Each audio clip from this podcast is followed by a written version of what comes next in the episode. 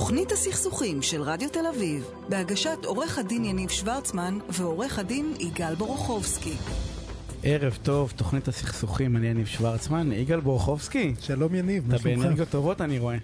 צריך להוריד אותך לאט לאט, שיהיה מעניין פה, מה, באנו לחייך, ברור, טבעי, בלי להתאמץ. תשמע, אנחנו מתחילים אה, עם משהו גדול וטוב בהתחלה. אה, ואני, בוא, בוא, בוא, בוא, בוא, למה שאני אגיד את זה? אני רוצה להגיד ערב טוב לאייל אה, בלומנטל, אלעד בלומנטל, אה, המנכ"ל והמייסד של עמותת one day. one day. אלעד, ערב טוב, מה העניינים? ערב טוב, נפלא, מה שלומכם? נהדר. שאתם מארחים אותי. בכיף גדול. אה, נפלא שאתה עושה את מה שאתה עושה, אבל בוא, בוא, בוא, בוא, כ- כתבתי לי שאתה מייסד של עמותת one day, מה זה העמותה הזאת?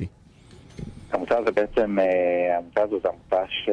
עמותת התנדבות, שבעצם אה, פיתחה מודל במטרה קצת לשנות את תפיסת ההתנדבות ב- בישראל, ממשהו אה, כבד ומיושן יותר שדורש אה, מחויבות, למשהו שהוא קצת יותר מתאים לדור של היום, פעילויות התנדבות שהן משמעותיות.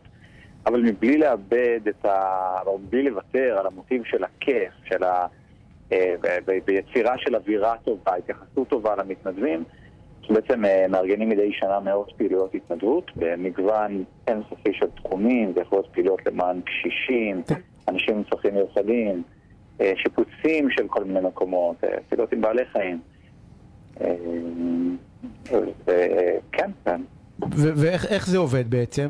באמת מגוון מאוד מאוד גדול, ואיך זה עובד?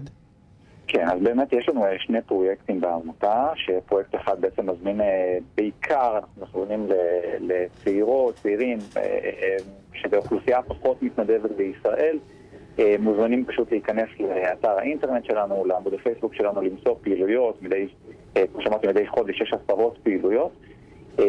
למצוא פעילות שמתאימה להם מבחינת המועד, האופי של הפעילות, המיקום, פשוט להירשם ולהגיע, הכי פשוט שיש. אה, ופרויקט נוסף שלנו בעצם קורא לכל מיני אה, חברות ותאגידים לקחת את אה, ימי ההתנדבות, ימי הגיבוש, ליתר דיוק המסורתיים שלהם, ולהפוך אותם לימי גיבוש בהתנדבות. בעצם לקחת ולתת להם איזשהו ערך קהילתי נוסף, איזשהו באמת ער- ערך חברתי, ולראות שאפשר לעשות ימי גיבוש מאוד מאוד כיפים, גם עם תרומה לקהילה. וזה בתשלום לארגונים, נכון? אנחנו מבקשים בדרך כלל מארגונים לסייע לנו במימון העלויות של הפעילות אה, שלהם עצמם. אה, לצורך העניין, אם אנחנו משפצים איתם איזושהי מועדונית של נוער בסיכון, אנחנו מבקשים מהם בעצם אה, לסייע לנו ב... בקנייה של המברשות, של הצבע, של דברים כאלה. זה זה עובד? יש, יש, כמה מתנדבים יש? אמרו לי לפני התוכנית 60 אלף או איזשהו מספר שהיה נשמע לי כאילו אתה יכול להיבחר לכנסת עם מספר כזה. זה... עובדים על זה, יגאל. אז אתה יודע, זה, זה מדהים, כי מצד אחד אה, שיעורי ההתנדבות בישראל הם אה, לא גבוהים בלשון המעטה, זה מאוד מפתיע, אבל אה, כשמסתכלים על זה בטח בהשוואה למדינות העולם המערבי, אז שיעור ההתנדבות בישראל הוא די נמוך, הוא הרבה יותר נמוך מהממוצע.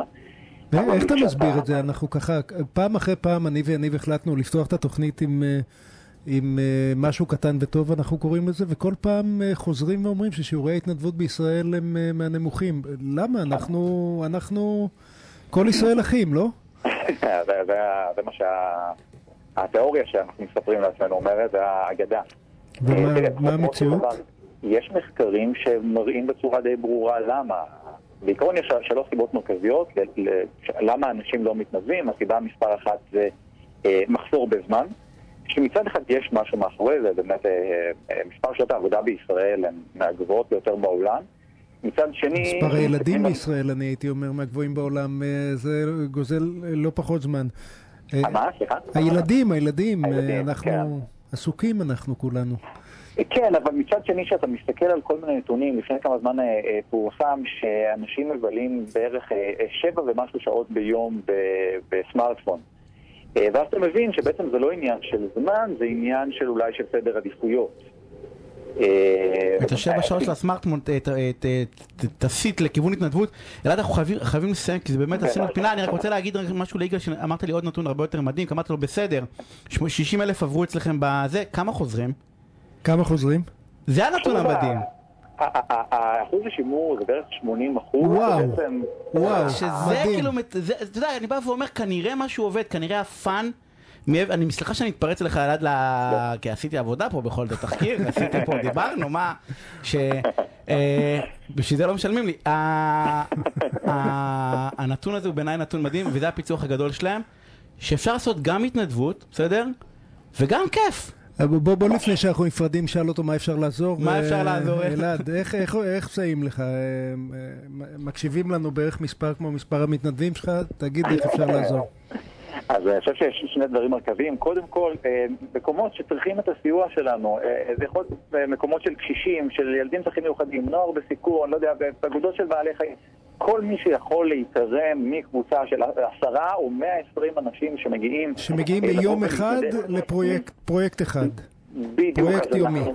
מאוד מאוד נשמח שיפנו אלינו, וגם אם יש אה, חברות מהייטק ועד אה, אה, לואו-טק, אה, שבאמת... וראית, הם לא משלמים. להם, הם משלמים לחומרים. יגאל היה פה מודאג שהם זה, אני, משלמים אני אהבתי לחומרים. את התשובה, ראית? יפה לא, מאוד. אפילו לא... אלעד, אני רוצה להודות לך על הפינה הזאתי. בוא אה, תודה, ותמשיך, תמשיך לעשות, אה, לעשות מעשים טובים. ואנחנו מתחילים. תוכנית הסכסוכים של רדיו תל אביב? בהגשת עורך הדין יניב שוורצמן ועורך הדין יגאל בורוכובסקי.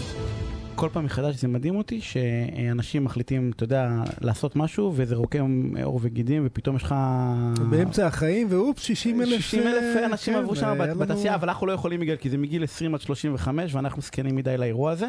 רגע, רגע, בחברה- תסביר שוב, יש להם שני סגמנטים. כן, הסגל אה, הראשון זה לצעירים, כן. זה לא לנו. לא בחברות אפשר גם, אה, בחברות אנחנו למבוגרים יכולים להיות. כמוני, בין לגמרי, אני- 36 אני לפחות, רוצה להגיד. אה, יגאל, תודה רבה למי שנמצא לתפעול הטכני ליוני בריו, תודה רבה, ולמי שעורכות ומפיקות, לטל אה, שפייכלר וליאר גולדברשט, ולאייל טל על הפקת המומחים, תודה רבה, ובואו נתחיל אה, כן, עם כן, כן. אה, התוכן. עורכת הדין אה, יעל אלמוג, יועצת משפטית וחברת הנהלה בבנק הפועלים. שלום, ערב משפטית טוב. ראשית, כן. היא מחקה לי את גילוי הראשית, נאות, אז, אה, היא אה, מחקה את היא הראשית. אז אני. אוסיף, רק אה, גילוי נאות, אני, אני, משרדנו מייצג את בנק הפועלים. יעל, אנחנו, אנחנו רגילים בתקשורת להגיד, יש תחרות בין הבנקים, אין תחרות בין הבנקים. תני לנו את הטייק שלך בעניין הזה. מי הבנקים מפחדים באמת היום? הבנקים אה, נמצאים בתקופה מאוד מאוד מאתגרת, כי באמת יש מהלך מאוד, אה, הייתי אומרת, יזום ומתוכנן של אה, רשויות השלטון, לפתוח את התחרות בשוק האשראי ובכל הסגמנטים הפיננסיים בישראל. ולצד זה, שזה משהו יזום, שזה טוב, לא? וטוב, כן. ואני חושבת שהוא מבורך והוא גם מביא הרבה ערך ללקוחות והרבה הזדמנויות. יש גם אה, התחרות המאוד משמעותית שאנחנו, אה, חייבת להגיד, אנחנו מתמקדים בה ועוסקים בה לא מעט, זה התחרות מול אה, גופים טכנולוגיים, גדולים כקטנים, שהיום מציעים כמעט כל פלח בקשת השירותים שהיה נהוג לקבל אך ורק מהבנק באופן אקסקלוסיבי. זאת אומרת, אם פעם אה, הבנק היה, הבנק הוא עדיין בנק אוניברסלי שמציע קשת של אה, אה, שירותים, היום בכל אחד ואחד מהשירותים שאנחנו מציעים, יש לנו שורה של מתחרים, ורבים מהמתחרים שלנו הם לא בנקים. הם אה, חברות ביג טק, חברות פינטק, גופים חוץ-בנקאיים. למשל דוגמאות למי שלא יודע מה זה ביג טק. ביג אה, ביג טק, למשל, יש לנו, את הארנק הדיגיטלי שהשקנו לאחרונה אה, באמצעות ביט, אפליקציית התשלומים שלנו, ואפל פיי נכנסה אוקיי, לאחרונה, והיא המתחרה, אחת המתחרה הכי כן, משמעותית זאת אומרת, שלנו. בנק לאומי לא פחות חושש מבנק אה, הפועלים ויותר חושש מאפל אה, וההפך. בבנקאות אה, המסורתית עדיין אנחנו כמובן נמצאים ב- ב- ב- ב- בשוק הבנקאות, או הבנקאות והחוץ-בנקאיים, המוסדיים, אבל בבנקאות המתקדמת אין ספק שהיום אנחנו מאוימים מאוד. אה, ולוקחים בחשבון בצורה מאוד משמעותית את, ה, את מה שקורה בעולם הטכנולוגי, כי גם הבנק אה, הולך והופך לפלטפורמה טכנולוגית. יש לנו היום גם את השירותים שאנחנו מציעים ללקוחות אה, בצורה פנים אל פנים, או גם ללקוחות אה, פרטיים וגם ללקוחות עסקיים, אבל הרבה יותר ויותר, בעיקר בבנקאות שאנחנו קוראים לה דיילי, שזה דיילי בנקינג, שאתה יכול לעשות אותה כמו קומודיטי, אתה צורך את זה דרך אפליקציה, והבנק הוא כמעט, בעצם... אנשים כמעט לא מגיעים נכון. לסניף, פעם, נכון? פעם- נכון, כל לא שלושה. חודשים מתקשרים אליי מהבנק ואומרים לי, אני רוצה לעשות לך משוב על הביקור שלך בסניף. אני אומר לו, במה? איזה ביקור. כאילו, כאילו, איזה סניף? לדעתי, כן, 2017 הייתי בסניף. לדעתי. פעם אחרונה, כאילו. כן. ועכשיו גם אה, בנק ישראל אה, אה, נות- נתן רישיון לבנק הדיגיטלי, כך שיש גם אה, פלטפורמה דיגיטלית מקומית. אז אין ספק שאנחנו בטלטלה משמעותית, שגורמת לנו להסתכל מחדש על כל המודל העסקי ועל כל מודל ההפעלה. והיום אנחנו מתחרים בגופים שבאמת אין להם צורך לנהל נדל"ן ולנהל אלפי עובדים. הם מנהלים... ולתת שירותים פיזיים, אבל נכון. אה, רגע, אה, אה, המאזינים שומעים אותנו ואני אני רוצה קצת להיות, יש ציניות, הרבה ציניות כן. כלפי מוסדות בנקאיים, לא אוהבים אותם, הם גדולים, הם חזקים, יש קולטורה של, של, של הם, הם נגד הלקוחות, אז מישהו שומע אותך ואומר, אפל מתחרה, מצוין, טוב מאוד, סוף סוף יש מישהו, מה מה הבעיה עם זה? הבעיה, אין בעיה עם זה. זאת אומרת, זה לא שאני אומרת ש, שיש בעיה עם תחרות. תחרות זה דבר טוב בהגדרה, וזאת נקודת המוצא, ואין ספק שזה מועיל. השאלה היא, מה כללי המשחק? וזה ברמת התחרות. זאת אומרת, האם כללי המשחק שחלים על אפל וחלים על uh, בנק, לדוגמה, שמתחרה באפל, הם אותם כללי משחק, כאשר מה שמעניין זה בעצם שהרגולציה הבנקאית נועדה להגן על היציבות של המוסד הבנקאי לצורך הגנה על כספי הלקוחות, וכשיש מתחרה שהוא הוא לא בנק, אבל בעצם הוא פועל בהרבה מובנים כבנק, כנותן שירותים פיננסיים, ואין עליו את ההגנות שאמורות להגן על הלקוחות ועל המערכת, זה יכול באיזשהו שלב ל, ל, באמת אה, לחזור ללקוח. ו- מה ו- גם ש... אה, אה, וכאן יש התקדמות, ואני חושבת שהפיקוח על הבנקים מאוד מאוד מאוד פעיל בעניין הזה. זה רגולטור מאוד מאוד אה, פעיל. הוא ושם לעצמו את ערך ההוגנות כאחד הערכים הכי חשובים שהוא מקדם במערכת, ולכן כל הזמן דוחף את הבנקים להעלות את הסטנדרט מבחינת איך הוא מתייחס ללקוחות, איך הוא מתייחס לתלונות של לקוחות, לצרכים של לקוחות. ואת זה אין, אין רגולציה כזאת. פייסבוק לא מעניין אותם מה הפיקוח לא. על הבנקים חושב. לא. לא, האמת, האמת היא שתדעי לך שאני, התפיסה שיגאל הציג עכשיו, שאנחנו הלקוחות הקטנים באמת, אה, אה, לא, כאילו איזה מין חיוך כזה של יופי, כאילו יש מי שמתחרה בבנקים, כי אנחנו לא יכולים, אבל אפל יכולים, והוא כתב לי, ואני גם חשבתי ככה שזה טוב שיש תחרות, ואז הוא כתב לי משפט שמי שמכיר אה, אה, סכסוכים עם, אה, עם גופים כמו גוגל וכמו פייסבוק וכמו אה, אפל, בא ואמר, שכאילו החלום הרטוב של עורכי הדין שמתעסקים היום בליטיגציה מול בנקים, זה להתעסק בליטיגציה מול בנקים ולא מול, ולא מול פייסבוק. אנחנו עוד עשר שנים הם יתגעגעו לסכסוכים כן, עם בנקים, כן, כי לך- כי- לך- לא, לך תריב עם לך גוגל. לך תמציא, סיפר כן. לנו הרי, אה, אה, הרי היינו ב... לך תמציא לפייסבוק בכלל אה, את נכון. הכתב לך תביעה. תקבל תשובה אנושית, עוד לפני כתב התביעה. תנסה להסתדר, תנסה להסתדר, עכשיו אני אומר ברצינות, יש לך בעיה עם גוגל, נניח בעיה יגאל, אני אמיתית. מגן על הבנקים, אני מרגיש לא תנסה. בנוח. לא, לא, אני לא... אני רואה, אבל אני- אנחנו אני אנחנו לא- לא לך עוד קצת. אני כאילו בכיסא תנסה לא נוח להסתדר לי. עם גוגל, אם יש לך בעיה אמיתית, תנסה למצוא מי שיגיד לך שאתה טועה. בסדר? לא שאתה צודק, שאתה טועה מאיזושהי סיבה. בגוגל, איש בגוגל, מי אתה? שישלח לך מייל בחזרה, לא שיפגוש אותך. אה, אה, ו- ורגע, את יודעת מה? בואי בואי נקדיש שנייה אה, להקשר הזה, אנחנו בכל זאת תוכנית סכסוכים וגישורים. הבנקים מנסים להסתדר עם הלקוחות שלהם, או מנסים לריב איתם ולמצות את הדין? מה... לריב חד משמעית. חד משמעית, להסתדר ו- ולהגיע לפתרונות. בסופו של דבר, וגם זה מתקשר גם מה- מה שאמרתי קודם. ב- בוא נגיד ככה, זה לא, אני לא, לא אה, פנים ואומר שאנחנו גופים פילנטרופיים שפועלים לרווחת הכלל. אנחנו מסתכלים על שורת הרווח. אבל זה ברור לנו היום שאנחנו צריכים להצדיק את עצמנו בפני הלקוחות, וללקוחות יש אופציות אחרות, ואנחנו צריכים להיות לתת ללקוח את השירות הטוב ביותר, ויש תפיסה היום יותר ויותר שאומרת שמה שמנחה אותנו זה לא רק להיות צודק, אלא להיות הוגן, והוגן זה, זה כבר ערך הרבה יותר, בוא נגיד, מופשט, ואנחנו בהחלט חותרים למערכת יחסים ארוכת טווח עם הלקוח, שבמשמעות שלה היא שאנחנו רוצים שהלקוח יהיה מרוצה. אמרה, ולכן- אמרה לפני שבוע השופט ב- בכנס הבנקאות, אמרה, תראו, לפני 20 שנה ראיתי אלפי תיקים למימוש משכנתה במערכת הבנקאית, אה, בתיקי הוצאה לפועל וכולי, מפנים אנשים מהדירות. היום, בכל המערכת ביחד, אני בקושי רואה עשרות.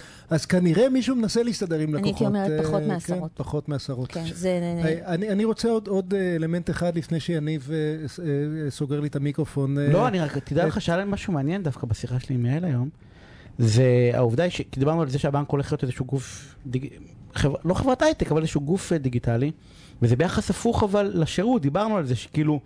הכל לוקח זמן, אתה מגיש תלונה, אז תוך 45 יום אתה מקבל תשובה מהממונה עליך, מה זה 45 יום?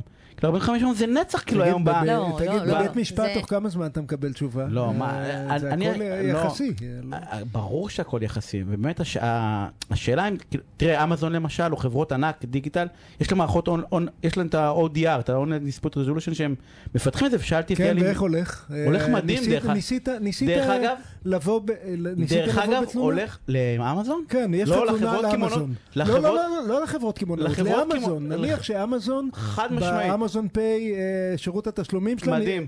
מדהים? מדהים, תנסה. את, אה, אה, יניב, נדמה מדהים. לי, נדמה לי ששנינו צריכים לעשות שיעורי בית אחרי התוכנית. אז אני לא. אומר, אני אומר לך שני דברים. אחד,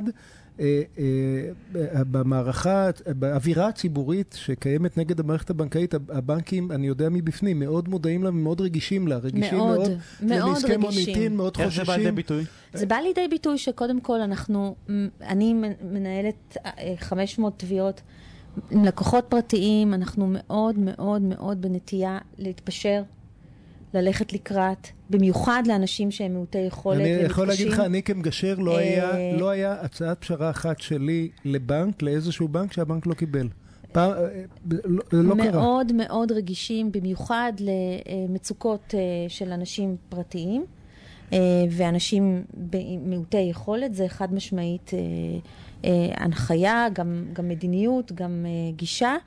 ו, ו, וגם למי שלא, אנחנו מאוד חשוב לנו מערכת היחסים ארוכת הטווח, במובן הזה שברור לנו שאם נהיה לצד הלקוח בעת צרה, הוא יהיה איתנו הרבה יותר זמן בעתיד. וראו את זה בתקופת הקורונה, אנחנו מאוד ניסינו לפרוס, היה ממש, גי- אני זוכרת דיונים בהנהלה אצלנו, באמת דיונים שאומרים איך אנחנו יכולים עכשיו להיות גורם המפתח שיעזור ללקוחות ויהיה באמת העוגן.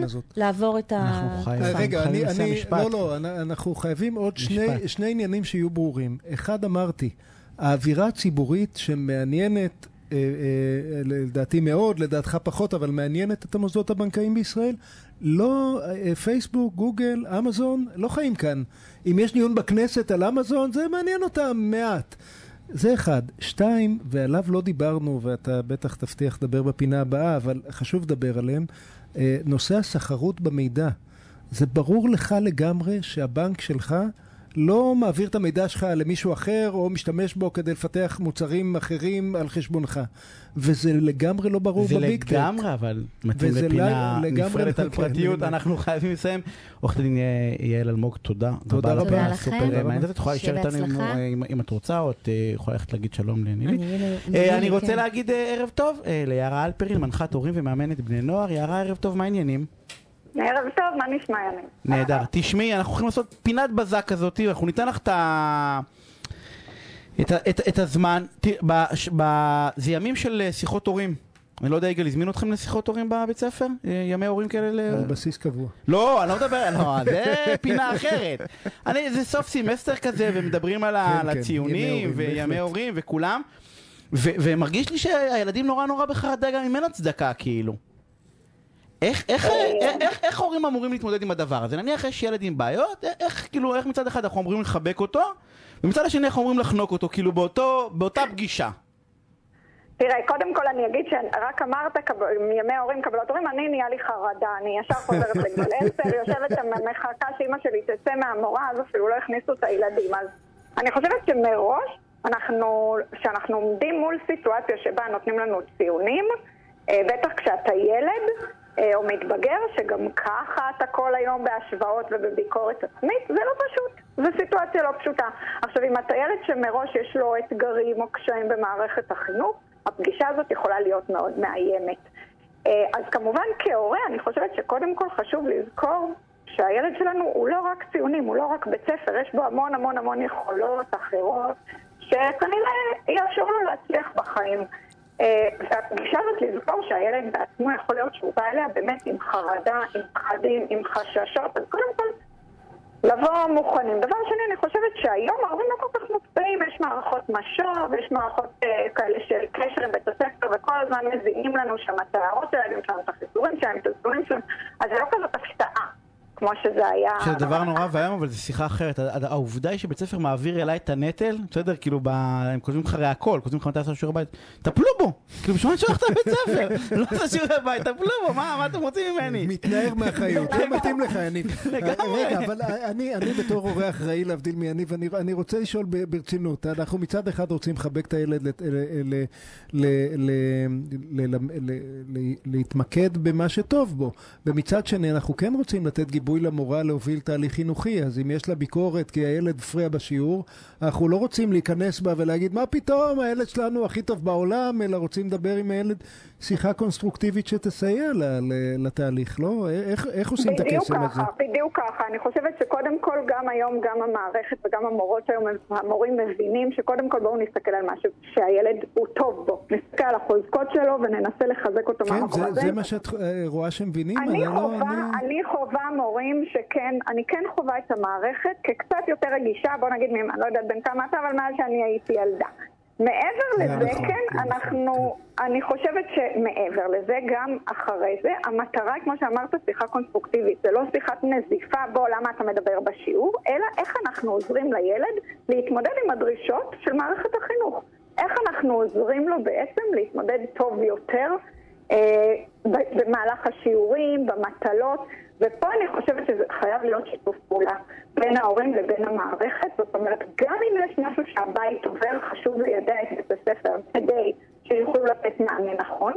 לא להסתיר, לפעמים אני פוגשת הורים שמפחדים לספר דברים שקורים, או אבחונים הילד דבר. להפך, אני, אני מרגישה שכשאנחנו באים במקום של שיתוף פעולה, ובעצם בואו נחשוב ביחד איך אנחנו עוזרים לילד, יהיה גם שיתוף פעולה מהמערכת. אז הפתיחות הזאת והחשיבה המשותפת בסופו של דבר, איך אנחנו רוצים לעזור לילד, להצליח, לחוות חוויה של הצלחה, לעבור את השנים האלה בצורה טובה יחסית.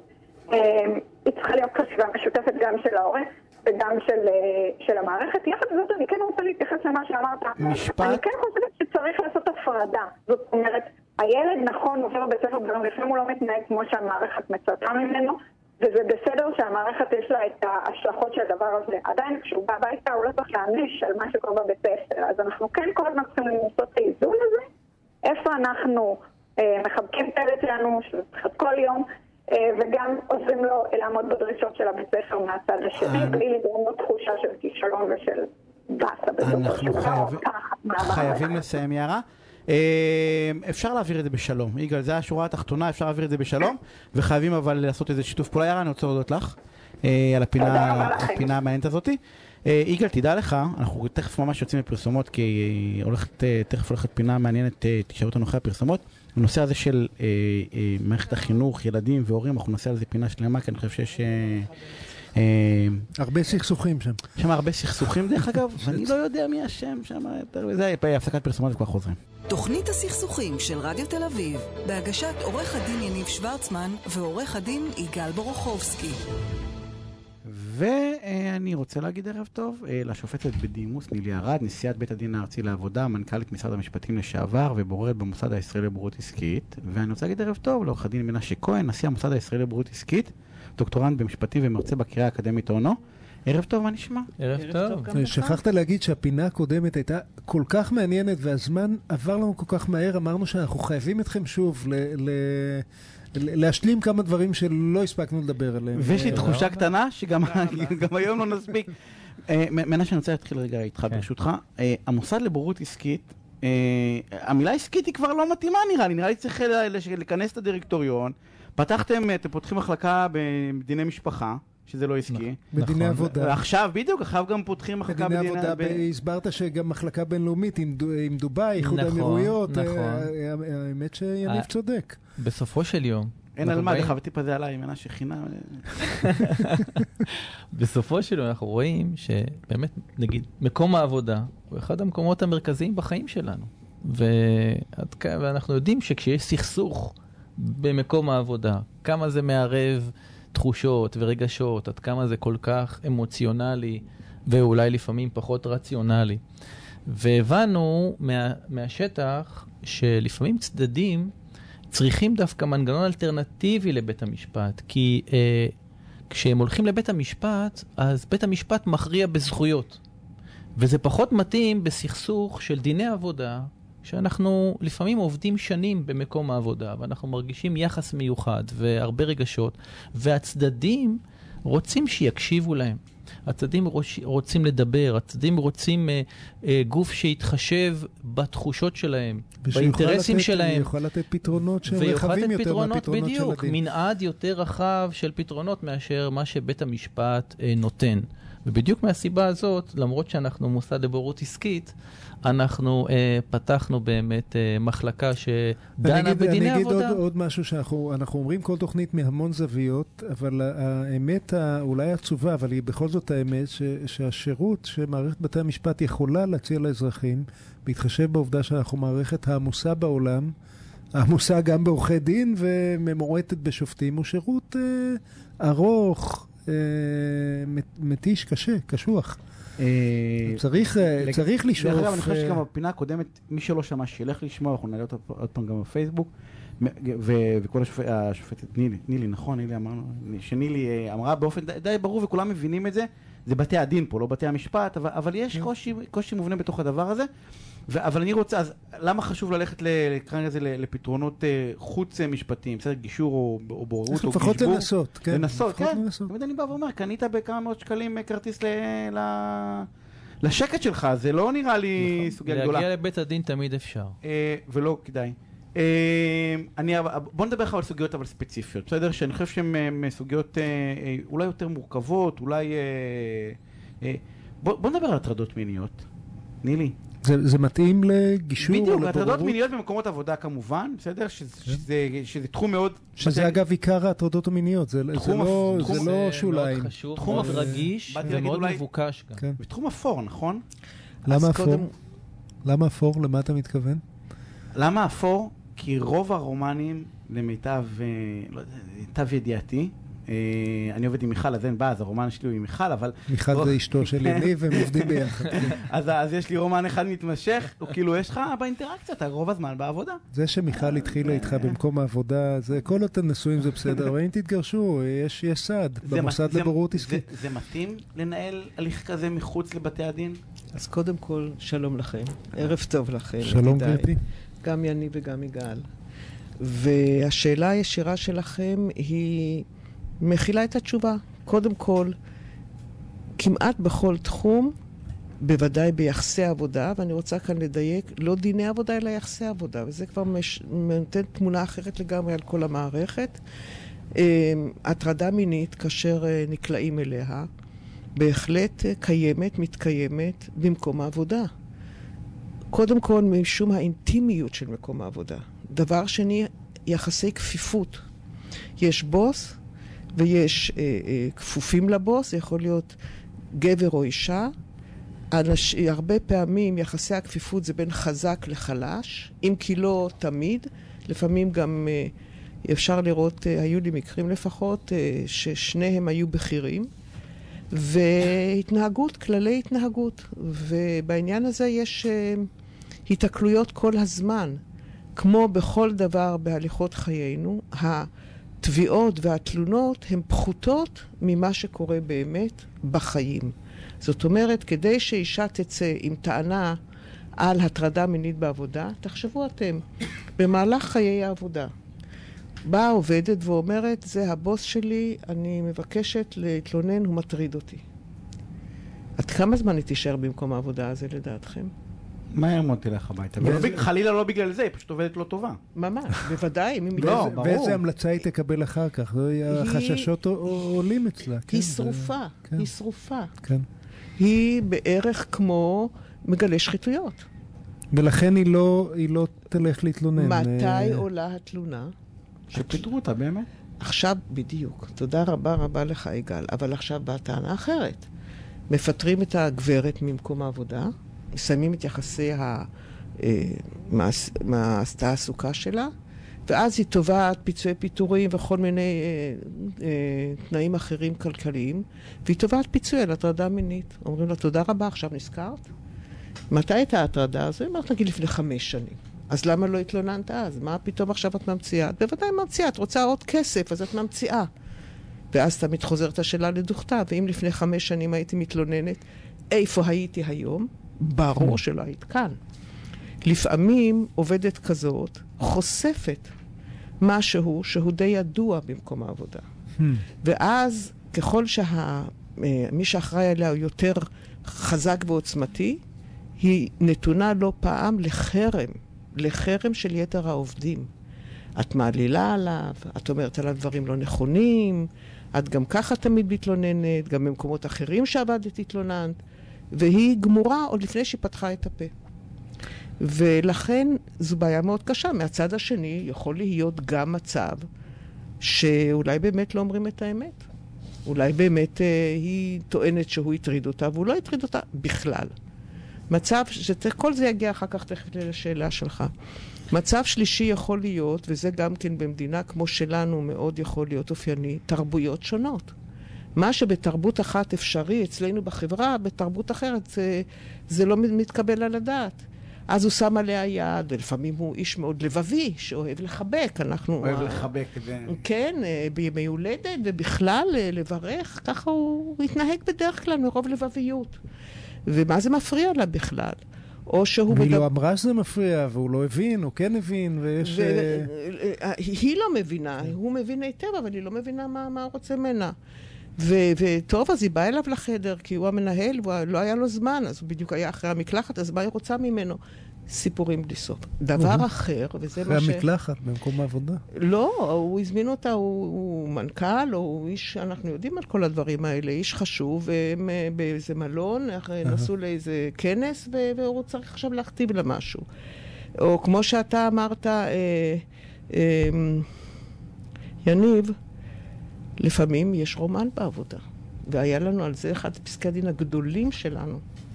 היה פסק דין עם הרבה מאוד מחלוקות בתוך פסק הדין גם, שהיה זוג שהיה ביניהם רומן, במרכאות או לא, ושהיא גם יזמה את מערכת היחסים, ובסופו של יום היא טענה, שהוא עזב אותה כמובן, והיא טענה שהוא אה, הטריד אותה, והשאלה הייתה אם זו הטרדה מינית או רומן.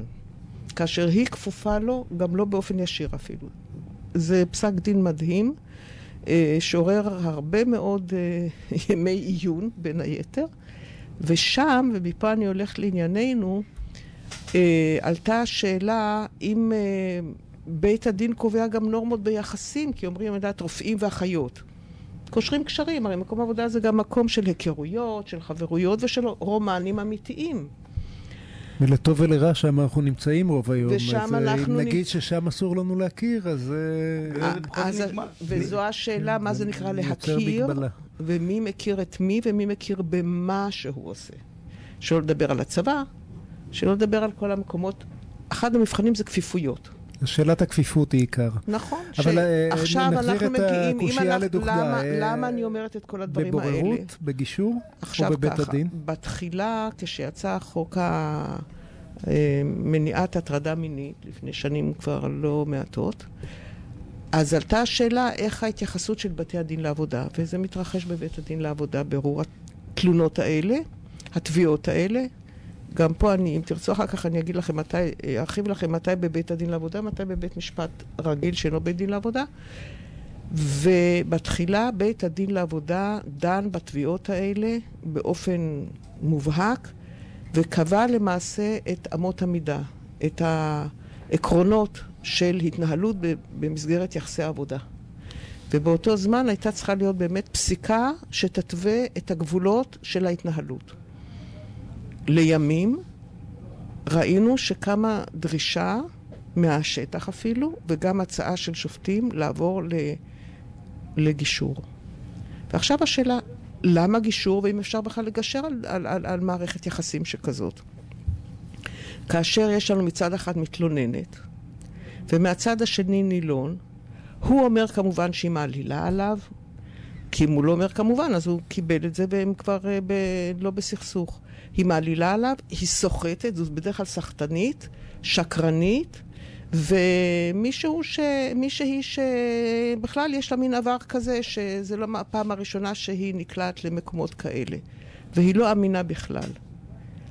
ומהצד השני עומדת מישהי, ברוב המקרים ביחסי כפיפות וחולשה, שהיא גם צריכה את הפרנסה ואת מקום העבודה, והיא עכשיו מודרת מכל דבר ועניין. יתרה מזאת, כאשר היא מתלוננת במקום העבודה, ויש היום, אנחנו יודעים לפי החוק, ממונה על uh, מניעת הטרדות מיניות, אז מה עושים דבר ראשון? מפרידים כוחות. איך מפרידים כוחות? מעבירים אותה. יפה. כן. מעבירים אותה. כן. והיא עכשיו נזרקת לאיזה חור ובור ומשם החוצה בדרך כלל. אם כך, מה האינטרסים? מצד אחד, את, את, ה- ה- האישה או המוטרדת או המתלוננת יכולה לומר, אני חלשה אומנם, יש לי עורך דין או עורכת דין חזקים, שגם אמרו לי, פה אנחנו נוכיח עד הסוף. שהוא... ומצד שני, אומר האדם השני, אני בכלל לא עשיתי שום דבר.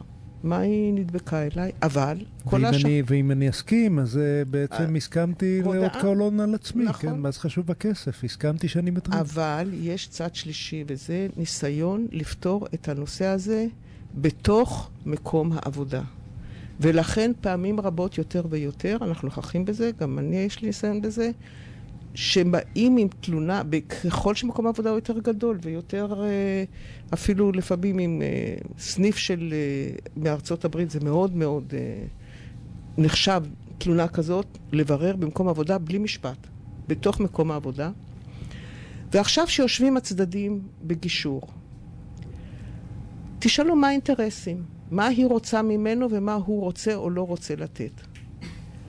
מה שנוכחנו לדעת, שהדבר הראשון היא רוצה שהוא יודה בזה, שמה שהוא עשה, קודם כל הוא עשה את מה שהיא מדברת שהוא עשה.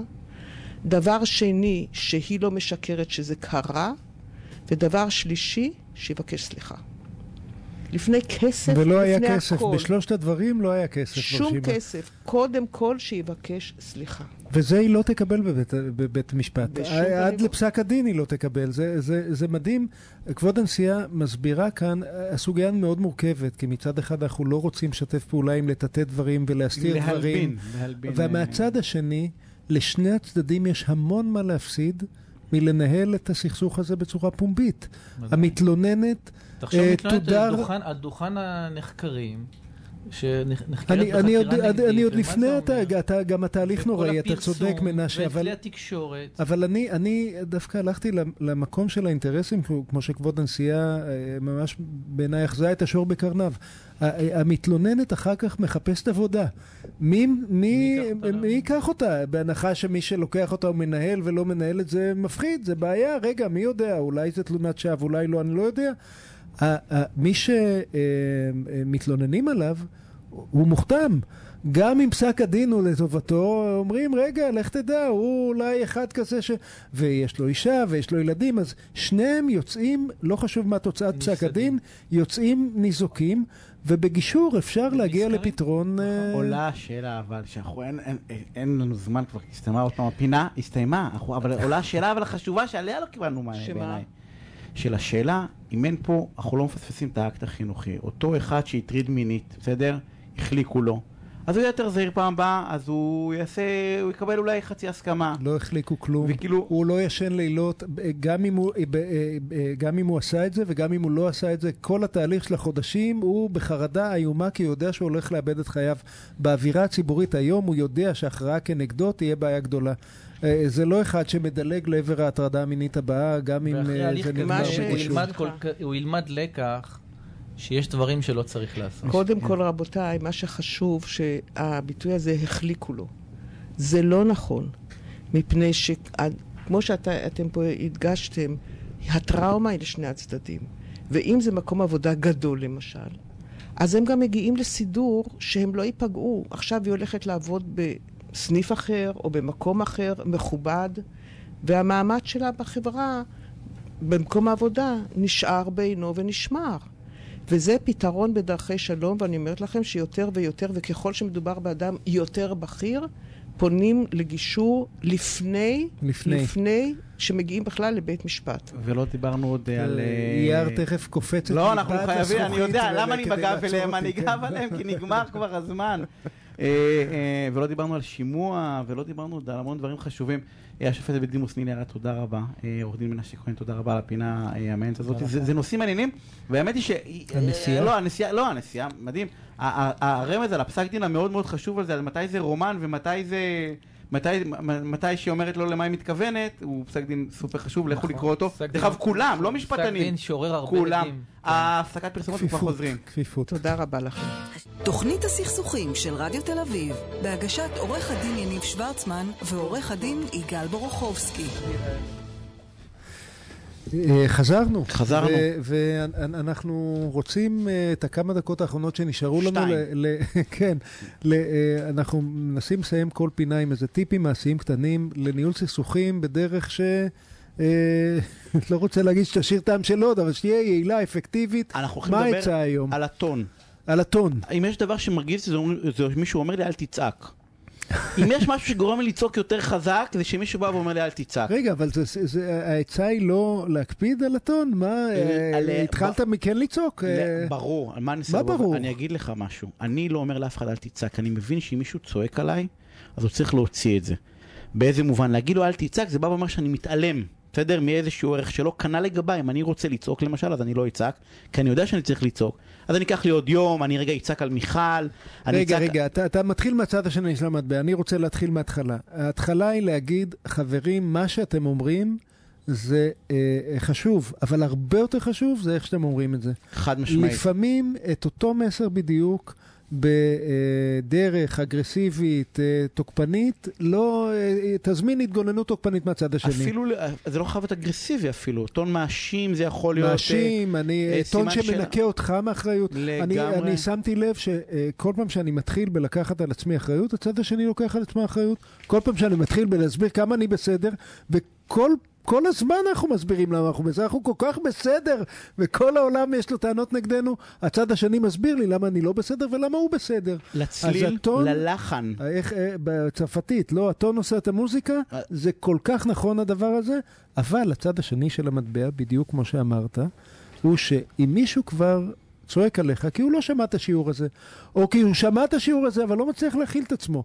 אם מישהו כבר צועק עליך, תנסה עד כמה שאתה יכול לעמוד במשימה לא הלא להגיב אנושית, לצעקות. ולא להגיב אנחנו, לצ... יש לנו, אני צריך חייב להגיד ליוני, עוד פעם אייר כן? כאן קופץ. לא, מה אני צריך להגיד ליוני בריו תודה רבה, ולטל שפייכלר תודה רבה, וליאר גולדברג תודה רבה, וליאל טל תודה רבה, ודני סידס אחרינו, ושימשיכו את המוזיקה עלינו, כן, שיק- האלוף, הפעם יקטעו. אותי, לא לא מסיים לפני כן, הסוף. קדימה. אבל הטון, ואמרנו את זה נכון, אני דרך אגב לא מסתכל על הצד השני, אלא אני בא ואומר, כשאני מרגיש שאני רוצה לצעוק, אתה צועק? התש-. התשובה היא לא, לא- משתדל, לא על בן אדם, היה לי איזושהי שיחה שהעלינו, שיחת ועידה, ואני שומע את הלקוח צועק וצועק וצועק, ואני אומר לו, תגיד לי, כן, יוני, גמרנו? יגאל, שיש שבוע- טוב, אנחנו נתראה שבוע הבא ביום לא, שני. שמעת שיער מהזכוכית אני לא צועקת עליך. מסתכל, אני לא מסתכל. צועקת, אבל אל תקשיב. לטון, תקשיב למה שהיא אומרת. לסימנים. אה, כן, לילה טוב.